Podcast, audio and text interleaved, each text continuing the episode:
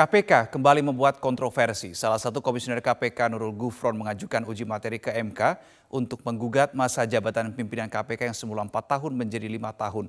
Sebelumnya Nurul Gufron juga mengajukan judicial review usia minimal pimpinan KPK adalah 50 tahun. Alih-alih berbenah, pimpinan KPK malah sibuk ingin memperpanjang jabatan demi kekuasaan dengan kewenangannya. KPK amat rawan dibajak demi kepentingan penguasa.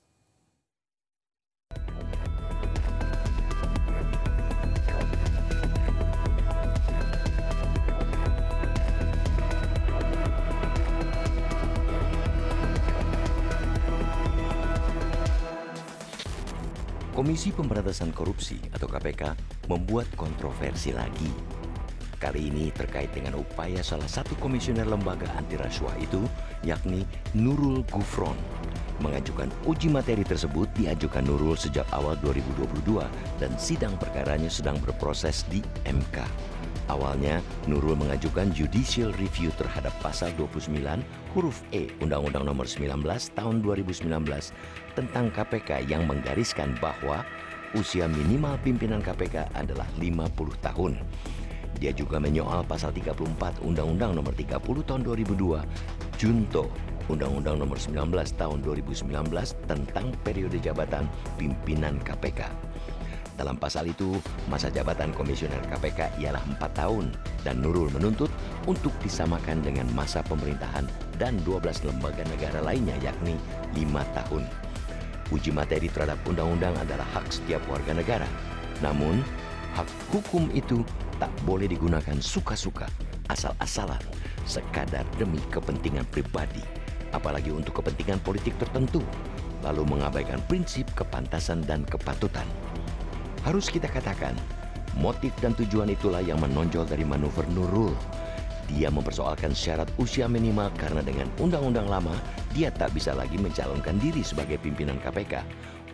Umur Gufron pada 2023 atau saat masa jabatannya berakhir baru 49 tahun.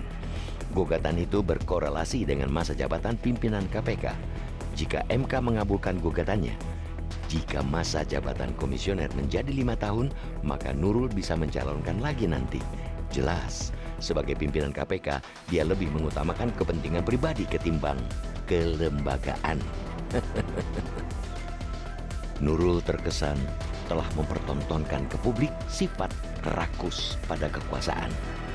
Karena begitu menikmati, dia tak ingin kekuasaannya di KPK segera berakhir kekuasaan empat komisioner lainnya termasuk Ketua KPK Firly Bahuri yang semestinya berakhir Desember 2023 nanti juga bertambah setahun lagi jika uji materi Nurul dikabulkan MK. Hanya itukah? Huh?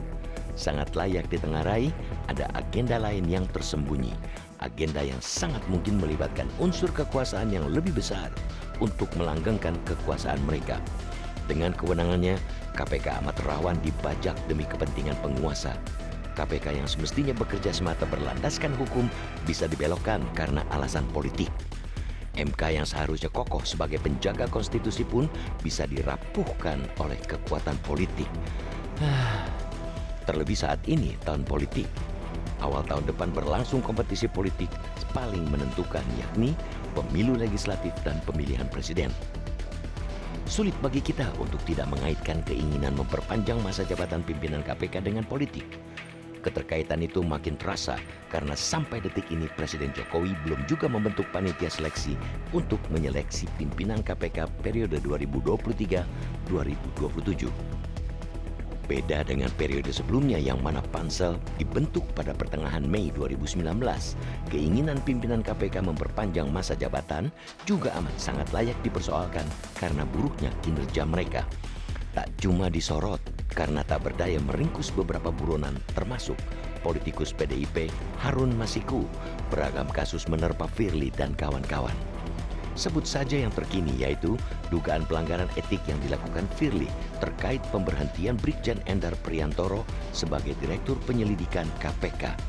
Firly diduga pula terlibat pembocoran dokumen hasil penyelidikan dugaan korupsi tunjangan kinerja di Kementerian Energi dan Sumber Daya Mineral Lalu, Wakil Ketua KPK Yohanis Tanak diduga melakukan pelanggaran karena berkomunikasi dengan pihak di ESDM yang sedang berperkara. Alih-alih berbenah, pimpinan KPK malah sibuk ingin memperpanjang jabatan demi kekuasaan. Tidak ada alasan konstitusional untuk mengamini ambisi sesat itu.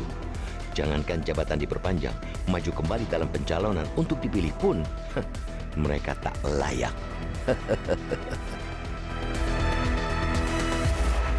Wakil Gubernur Lampung Kusnudia kali memenuhi panggilan KPK untuk mengklarifikasi harta kekayaannya. Namun Kusnudia menolak memberikan komentar kepada awak media. Setelah empat jam menyelesaikan klarifikasi harta kekayaannya di gedung KPK Jakarta, Kusnudia tidak memberikan statement apa pun kepada awak media. Kusnudia sempat kesulitan keluar gedung KPK karena banyaknya awak media yang menunggu sejak pagi. Dengan dibantu personel kepolisian dan petugas KPK, Kusnudia keluar gedung KPK dan langsung menuju ke mobil pribadinya.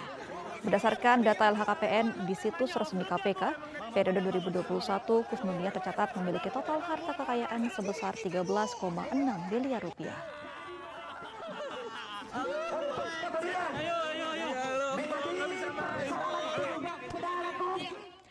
KPK gencarkan pemeriksaan pejabat daerah dengan melakukan klarifikasi harta kekayaan LHKPN ke KPK. Beberapa pejabat sudah memenuhi panggilan KPK, namun masih ada juga pejabat daerah yang belum memenuhi panggilan. Siapa saja pejabat yang belum memenuhi panggilan di KPK? Ada rekan kami Ardi Lase langsung melaporkan di gedung KPK.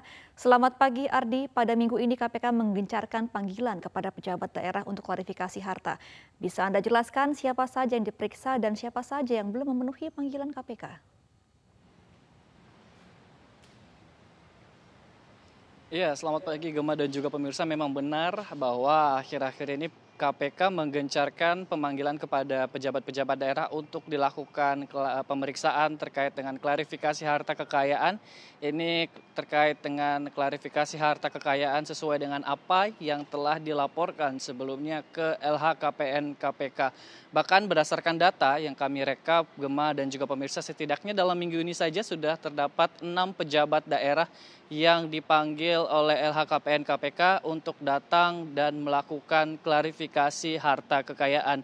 Dan berdasarkan data atau baru-baru saja yang terakhir yang melakukan uh, klarifikasi harta kekayaan yaitu dari uh, Lampung, Kadinkes Lampung yang akan kembali dipanggil besok dan ini sebelumnya juga sudah melakukan klarifikasi sebelumnya dan kemarin juga Gema dan juga pemirsa sudah dipanggil Wakil Gubernur Lampung Kusnunia Kalim uh, dengan mengklarifikasi harta yang sudah dilaporkan ke LHKPN KPK sebelumnya itu dengan harta yang sudah dilaporkan yaitu 13,6 miliar. Lalu ada wali kota Pangkal Pinang yang memang juga memenuhi panggilan dari KPK yaitu Maulan Aklil dan satu orang lagi yang memang sudah dijadwalkan oleh pihak KPK untuk melakukan klarifikasi harta kekayaan yaitu Sekda Provinsi Jawa Timur Adi Karyono. Namun berdasarkan hasil pantauan kami, Gema dan juga pemirsa bahwa Adi Karyono tidak uh, datang kemarin dan masih belum bisa memenuhi uh, panggilan dari KPK. Kami sudah mencoba menanyakan kepada pihak KPK uh, eh, alasan kenapa dari Sekda Jawa Timur tidak memenuhi panggilan ini namun hingga saat ini masih belum ada respon dari pihak KPK. Dan kalau kita kembali ke dua hari yang lalu ini juga sudah diperiksa beberapa orang untuk melakukan klarifikasi yaitu Bupati Bulangan Mangundo Timur Samsarul Mamoto dengan jumlah harta yang harus diklarifikasi yaitu 6,1 miliar dan Kasubdit Penyidikan Ditjen Pajak Wahyu Widodo. Dan selain itu besok akan dipanggil lagi yaitu Kepala Dinas Kesehatan Lampung Rehana yaitu akan dipanggil besok untuk melakukan uh, klarifikasi ulang karena memang beberapa dokumen sebelumnya dikatakan KPK masih kurang dan juga terkait dengan yang diklarifikasi kemarin yang disebutkan masih satu rekening ternyata ada enam rekening yang harus diklarifikasi sehingga uh, Rehana atau Kadinkes Lampung ini kembali dipanggil ke Gedung Merah Putih KPK untuk melakukan klarifikasi ulang. Pemirsa, 18 hari dari sekarang puncak Trisuci Waisak akan berlangsung dan yang menarik sebelum puncak ibadah dihlat, warga di Pulau Jawa dibuat terkesima oleh ritual berjalan kaki lintas negara yang dilakukan para bante. Nah, ritual berjalan kaki ini bernama Tudong yang syarat makna dan ajaran Buddha. 4 Juni nanti, Kawasan Borobudur di Magelang, Jawa Tengah akan terasa sangat magis saat malam puncak perayaan Hari Waisak 2567 Buddha Era berlangsung. Namun sebelum itu, ada sebuah ritual yang menarik perhatian sedari 23 Maret 2023 lalu. Inilah barisan bante yang tengah berjalan kaki untuk melakukan ritual tudong.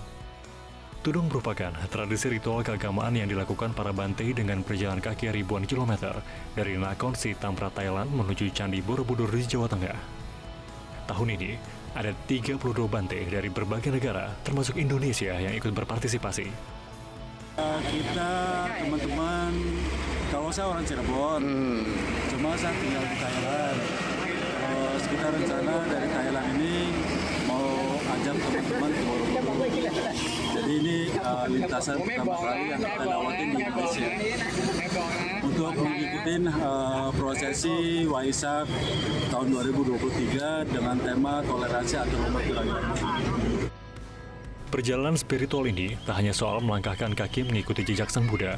Dalam perjalanannya, para biksu juga melakukan meditasi dan mengunjungi tempat-tempat ibadah lintas agama. Hal ini merupakan sebuah bentuk penghargaan terhadap kemajemukan. Wujud kemajemukan dan toleransi atas ritual ini juga nampak dari warga Indonesia yang lokasinya disambangi para bante. Memasuki hari ke-55 setelah bermalam di Wihara Budi Suci Jatibarang Indramayu, sebanyak 32 orang bante melakukan perjalanan ke kota Cirebon. Masyarakat memberikan makanan dan minuman sebagai bentuk toleransi dan solidaritas antar sesama. Iya berbagi, semua manusia harus berbagi, sesama agama juga harus berbagi. Toleransi lah ya Bu ya? Iya, melatih si- sesama agama lah kita tuh harus saling menghormati. Rencananya, 32 bante yang melanjutkan ritual tudong ini akan tiba di pelataran Candi Borobudur, Kabupaten Magelang pada tanggal 1 Juni mendatang. Usai dari Cirebon, rombongan akan melanjutkan perjalanan menuju Pekalongan, Semarang, Ambarawa, dan berakhir di Magelang. Mereka akan bergabung bersama umat Buddha dari penjuru dunia untuk memperingati puncak Hari Raya Trisuci Waisak pada tanggal 4 Juni mendatang.